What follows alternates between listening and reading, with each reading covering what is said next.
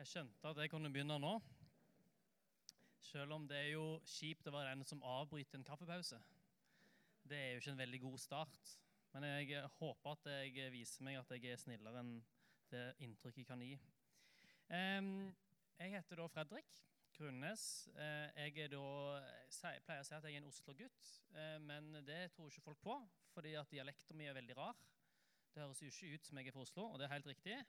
Pappa er derfra, da, så jeg sier at det er greit. Um, jeg liker, og det som, er, det som er at jeg liker ting jeg liker ting som henger sammen. At ting som er måte, logisk liksom, følger etter hverandre. Og jeg liker ting som ikke passer sammen i det hele tatt. Ytterpunktene er liksom min greie. Så Derfor er jeg da baptist. Jeg er liksom pastorutdanna, og da jobber jeg jo selvfølgelig som pastor i Oslo sentrum baptistkirke. Jeg er både baptist og pastor, og da jobber i en baptistkirke. For det er logisk. Og Derfor er jeg barnevernspedagog og elsker å jobbe med ungdom. Og Derfor liker jeg, eh, når jeg har grøt, så liker jeg å ha smør, kanel og så sukker på grøten i den rekkefølgen. Og spiser meg innover. Eh, min søster prøvde en gang for mange år siden eh, å, å røre i grøten etter hun hadde tatt på sukker, kanel og, og smør. Og det, Min mor reagerte sånn bare, og sa bare Sånn gjør vi ikke i vår familie. Det var, liksom, det var ikke greit. Så etter det så har aldri min søster gjort det. Hun er langt oppe i 30-årene og gjør fremdeles ikke det. Eh, men på samme tid så er jeg da eh, baptist. Som, og Baptistene har lite eller ingen historie med liksom, klosterliv. Eh, allikevel så leder jeg i dag noe som heter Ungkloster, som har fire kommuniteter som gjennom rytmer og fellesskap følger Jesus i hverdagen. Og de som er med på det, kaller meg på tull for abbed. Som gjør meg da som sannsynligvis den eneste baptist-abbeden i verden. Eh, det er iallfall godt mulig. Ikke si det høyt at jeg blir kalt abbed, for jeg tror hvis du hadde sagt det til noen som faktisk er abbed eller abbedisse i kloster, så hadde de blitt ganske dypt fornærma.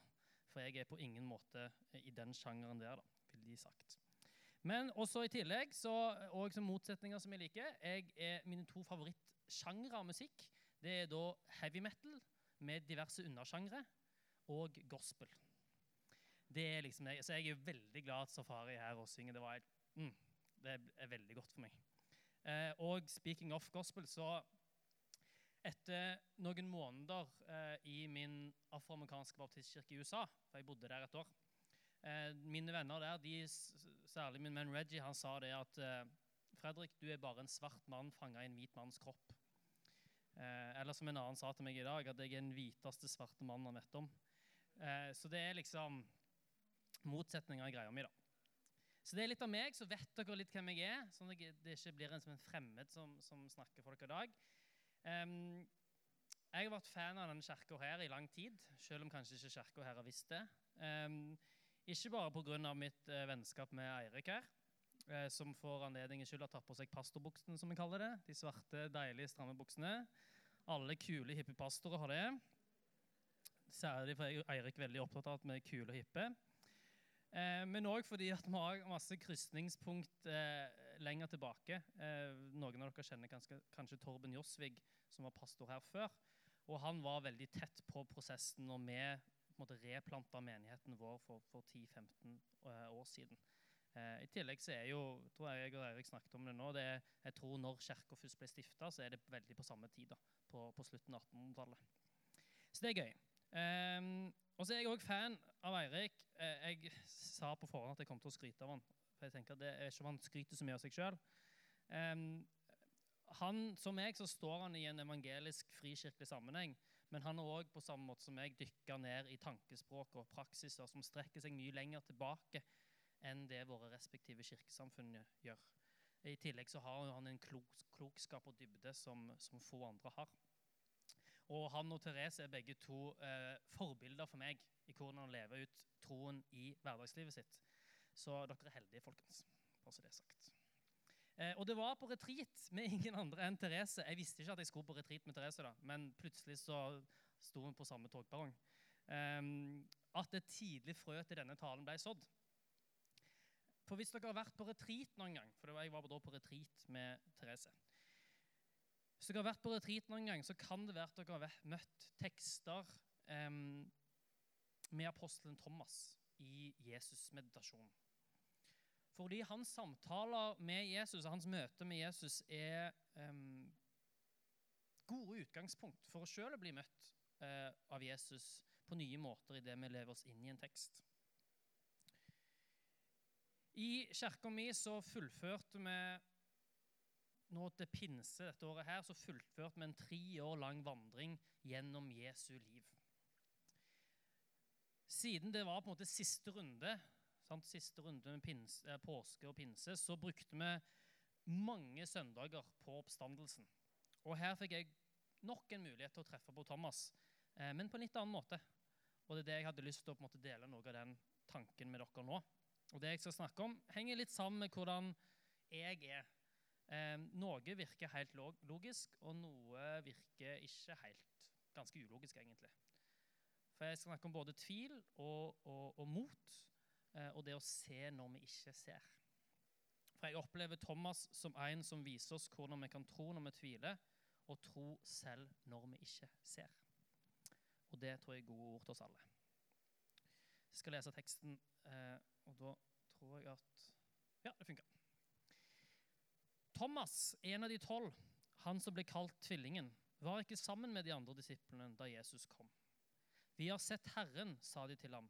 Men han sa, dersom jeg ikke får se naglemerken i hendene hans og får legge fingeren i dem og stikke hånden i siden hans, kan jeg ikke tro. Åtte dager senere var disiplene igjen samlet, og Thomas var sammen med dem. Da kom Jesus mens dørene var lukket. Han sto midt iblant dem og sa, Fred være med dere. Så sier han til Thomas, Kom med fingeren din, se, her er hendene mine. Kom med hånden og stikk den i siden min. Og vær ikke vantro, men troende. Min Herre og min Gud, sa Thomas. Jesus sier til ham, Fordi du har sett meg, tror du. Salig er de som ikke ser, og likevel tror. Himmelske Far, jeg takker deg for at du vekker oss opp denne morgenen her og ga oss en ny dag. Du var med oss når vi kom her i dag, og du er her nå. Du kommer til å gå med oss når vi går hjem igjen, og du kommer også til å være igjen her. Du er alltid nær. Nå ber jeg far om at de ordene som du har lagt på mitt hjerte, at eh, du hjelper meg å formidle de, og at du òg møter de som er her, på den måten som, som du ser er riktig. Og jeg bare takker deg, Jesus, for at du ønsker å møte oss. Du ønsker å ta oss eh, til tro. Og jeg ber om at du hjelper oss med det, og jeg ber om at du åpner våre hjerter og vår sinn og våre ører til å ta imot det du har for oss i dag. Amen. Så Når vi snakker om denne, Dette er jo en tekst henta fra Johannes. Eh, For de som ikke har skjønt det, så har da Jesus stått opp. Det er derfor vi har dette her, at han har disse sårene i, i siden og alt sammen. Eh, har, Jesus har da møtt disiplene etter oppstandelsen. Han har gjort som han gjør igjen i denne teksten her. Plutselig så står han midt iblant de og sier 'Fred være med dere'. Eller 'shalom', som han sannsynligvis sier. Et ord som ikke bare betyr fravær av krig, men så mye, mye mer. Det bet ordet betyr noe sånn som å gjøre hel, det betyr noe sånn som å gjenopprette, bringe forsoning. Det er, det, liksom, det er bare noe av dybden av det han sier å bringe der. Så det var sikkert spesielt for disiplene. Det er garantert spesielt for disiplene å se en død mann bli levende. Men Thomas var ikke der. Hvorfor? Det vet vi ikke. Var han bare ute etter ærend, og tilfeldigvis var han ikke der når det skjedde? Hadde han blitt helt satt ut av at Jesus døde, at han vandra hvileløst rundt? Hadde han gitt opp hele greien og gått tilbake til sin fortid som tømmermann, som han muligens var? Var han bitter? Vi vet ikke. Det vi vet, er at Thomas ikke tror på det vennene hans sier om at Jesus har stått opp. I Markus' sin versjon av denne fortellingen så var han ikke alene om det. Da bebreider Jesus de for deres vantro. I Markus 16, 14 så står det for de hadde ikke trodd for de hadde ikke trodd dem som hadde sett at han var stått opp. I Johannes sin versjon så er det Thomas som står for tvilen. Han vil se, han vil ha bevis. Kanskje ikke ukjente krav for oss tilhører i dag. I all vår hang til å henvise til forskning og for å underbygge noe vi sier, er det ikke det vi søker. Noen som har sett noe og kan bevise det.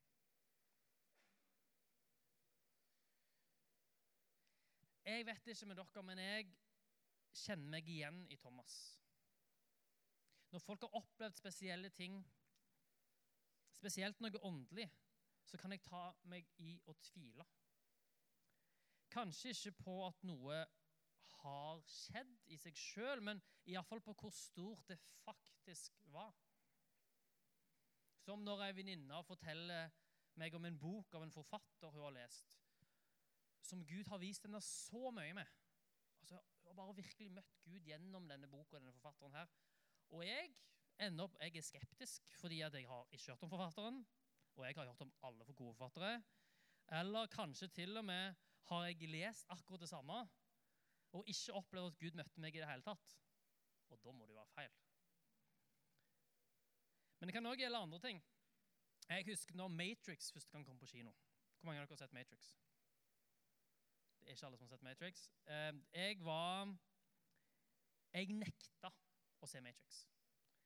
Jeg tenkte, jeg syntes den hørtes helt tullete ut. For en dustete film. Samme hvor mye folk skrøt av den. Kan jeg røpe at jeg endra mening etter hvert, da, når jeg faktisk så den mye seinere. Den var liksom ikke så banebrytende når jeg så den. Litt av poenget er borte. Men poenget mitt er det at vi gjør dette hele tida. Vi tviler på hverandre, vi tviler på oss sjøl, vi tviler på Gud.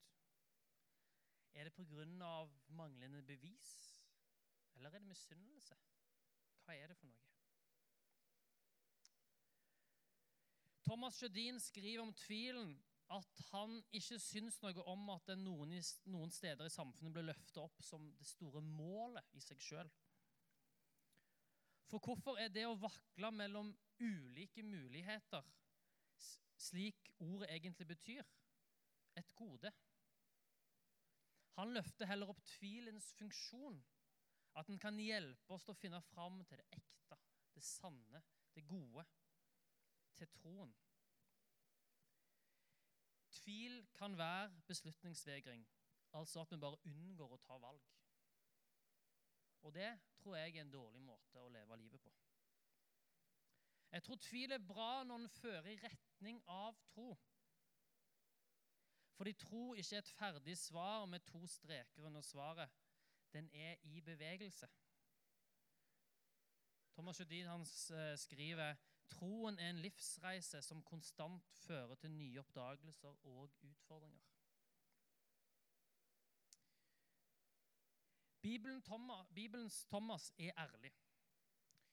Utenom dagens, den teksten som vi leste i dag, så, og når han nevnes som en av de tolv disiplene til Jesus, så har han to sitat. Så Det er liksom ikke den som har sagt mest, men heller ikke den som har sagt minst.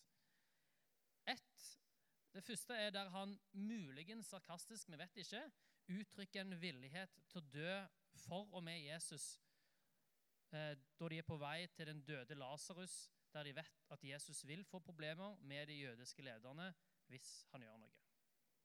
Og spoiler alert han vekker opp Lasarus fra de døde og får jo masse problemer med det. Så det er første sitatet. Det andre er et spørsmål unna det siste måltidet, der Jesus snakker om å dra til sitt hus med mange rom. Der det kan virke som om Thomas stiller spørsmålet de andre guttene òg lurer på. Herre, vi vet ikke hvor du går. Hvordan kan vi da vite veien? Thomas stiller spørsmålene som ingen andre stiller. Og han blir tatt på alvor, både der og seinere, da Jesus hadde stått opp. Det er et av de mest kjente måte, eh, maleriene av situasjonen med Thomas. og Kommentarer er jo litt uenige om Thomas rør, faktisk rørte ved sårene til Jesus. Noen mener at han gjorde det, noen mener at han ikke gjorde det. Denne versjonen så gjorde han det. Men det er kanskje ikke så viktig at han faktisk gjorde det. Han fikk se sårene, han fikk mulighet til å ta på dem, og han ble møtt i sine spørsmål. Han sa det at 'hvis jeg ikke kan ta på det, så tror jeg ikke'. Og Jesus inviterer han og sier 'ta på sårene mine'. Har dere sett filmen 'Disko', som har gått på kino nå i det siste? Jeg har sett den. Jeg så den um, forrige uke. Halvannen uke siden. Det er en viktig film eh, om unge som blir oversett og trykka ned i kristne sammenhenger. Og jeg syns filmen var bra, eh, men han gjorde det som var, Jeg gikk ut fra den kinosalen så bare kjente jeg at dette gjør vondt. Dette gjør skikkelig vondt. Først og fremst fordi ingen, absolutt ingen voksne møtte hovedpersonen Miriam der hun var, lytta til henne, lot henne få tvile, spørre eller bare få være. Ingen av de voksne, de kristne voksne som hun møtte, eh, lot henne gjøre det. Tåler Gud din tvil? Selvfølgelig tåler Gud din tvil.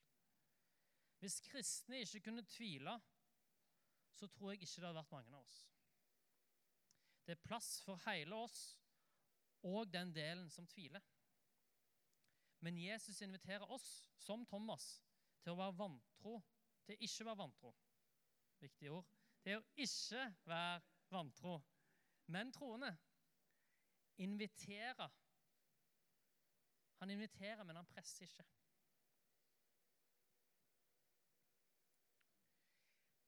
Tvil kan føre til tro.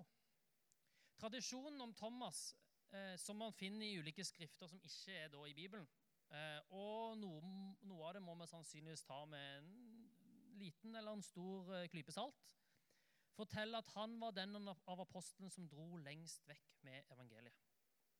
I India er det mange kirker som sier at de er Thomas-kristne, og at det var apostelen Thomas som grunnla deres kirke. Og I en bok som jeg leste, så får vi innblikk i en samtale mellom noen fra Vest-Europa og ledere i denne gruppen, denne gruppen av kristne, der de blir spurt om nettopp Thomas som en tviler. For det er ofte det vi forbinder med hos oss. Vi sier Thomas tvileren. Thomas er en som tvilte. Og det er at De forstår nesten ikke spørsmålet og forklarer hvordan de ser tro der vi ser tvil.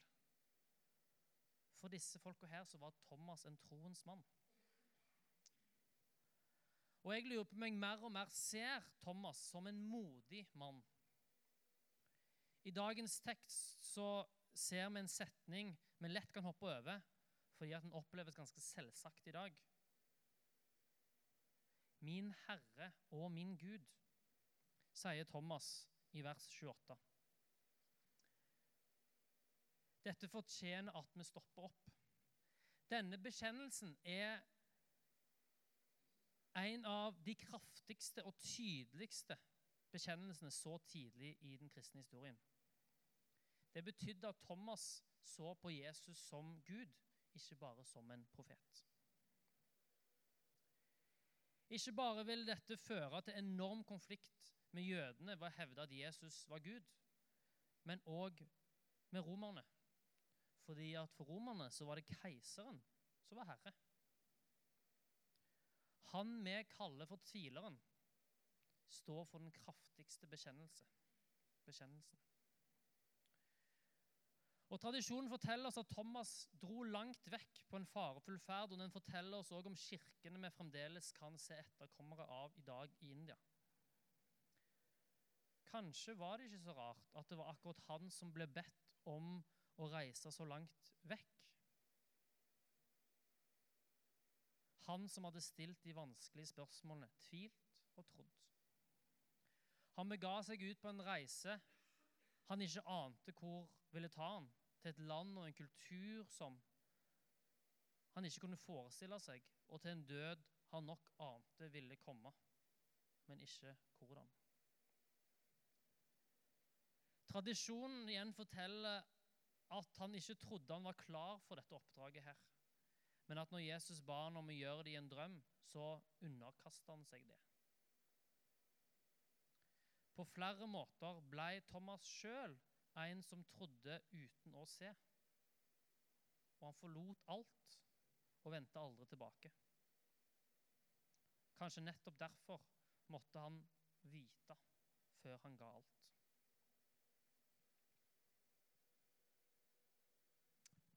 Hva så med oss? Ingen av oss vil se Jesus i levende live slik Thomas gjorde det. Vi er omfatta av ordene til Jesus om at salige er de som ikke ser og likevel tror. Ordet 'salig' betyr noe sånn som gratulasjon, at du er heldig. at liksom, Heldigen du. Salig. Hvorfor er vi heldige? Hvorfor er vi salige? Kanskje handler det om en avhengighet til Gud, til troen. Paulus sier det sånn i brevet til romerne. For i håpet er vi frelst. Et håp vi alt ser oppfylt, er ikke noe håp. Hvordan kan noen håpe på det de ser? Men hvis vi håper på noe vi ikke ser, da venter vi med tålmodighet. På samme måte kommer også Ånden oss til hjelp i vår svakhet. Eller som hebreabrevet sier det Troen er et pant på det vi håper. Et bevis for det vi ikke ser. Thomas sin tro er ikke mindreverdig, og det er heller ikke vår. Vi må tro ut fra det vitnesbyrdet om, vi må tro ut fra vitnesbyrdet om Jesus, og Den hellige ånd hjelper oss i denne troen. Altså Gud er mer enn stor nok for våre spørsmål, for vår tvil. Det må vi ikke tvile på. Men han lar oss òg bli møtt i våre spørsmål og inviterer oss til å komme helt nær Han. Han inviterer oss til å tro. Og hva er tro? Jo, nettopp tillit til at Jesus gjør det vi ikke kan. Strekke til når vi ikke gjør det. Lede oss når vi er slitne, skada eller blinde. Kanskje kan det være en god innledning på det dere skal snakke om de neste ukene, om hvordan det ikke er, å, det ikke er bare bare å bare tro. Jeg visste om det på forhånd, så jeg har trent på å si det.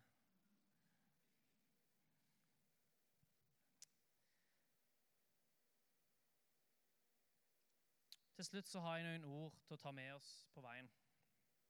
Det er ordene undring og overgivelse. Jeg håper dere som Thomas kan undre dere. Tvile, spørre, undersøke. Vær ærlige. Stille spørsmål, søke svar. Noen ganger så må vi stoppe ved noe vi ikke kan forklare. Men ikke la det stoppe dere i å fortsette å spørre.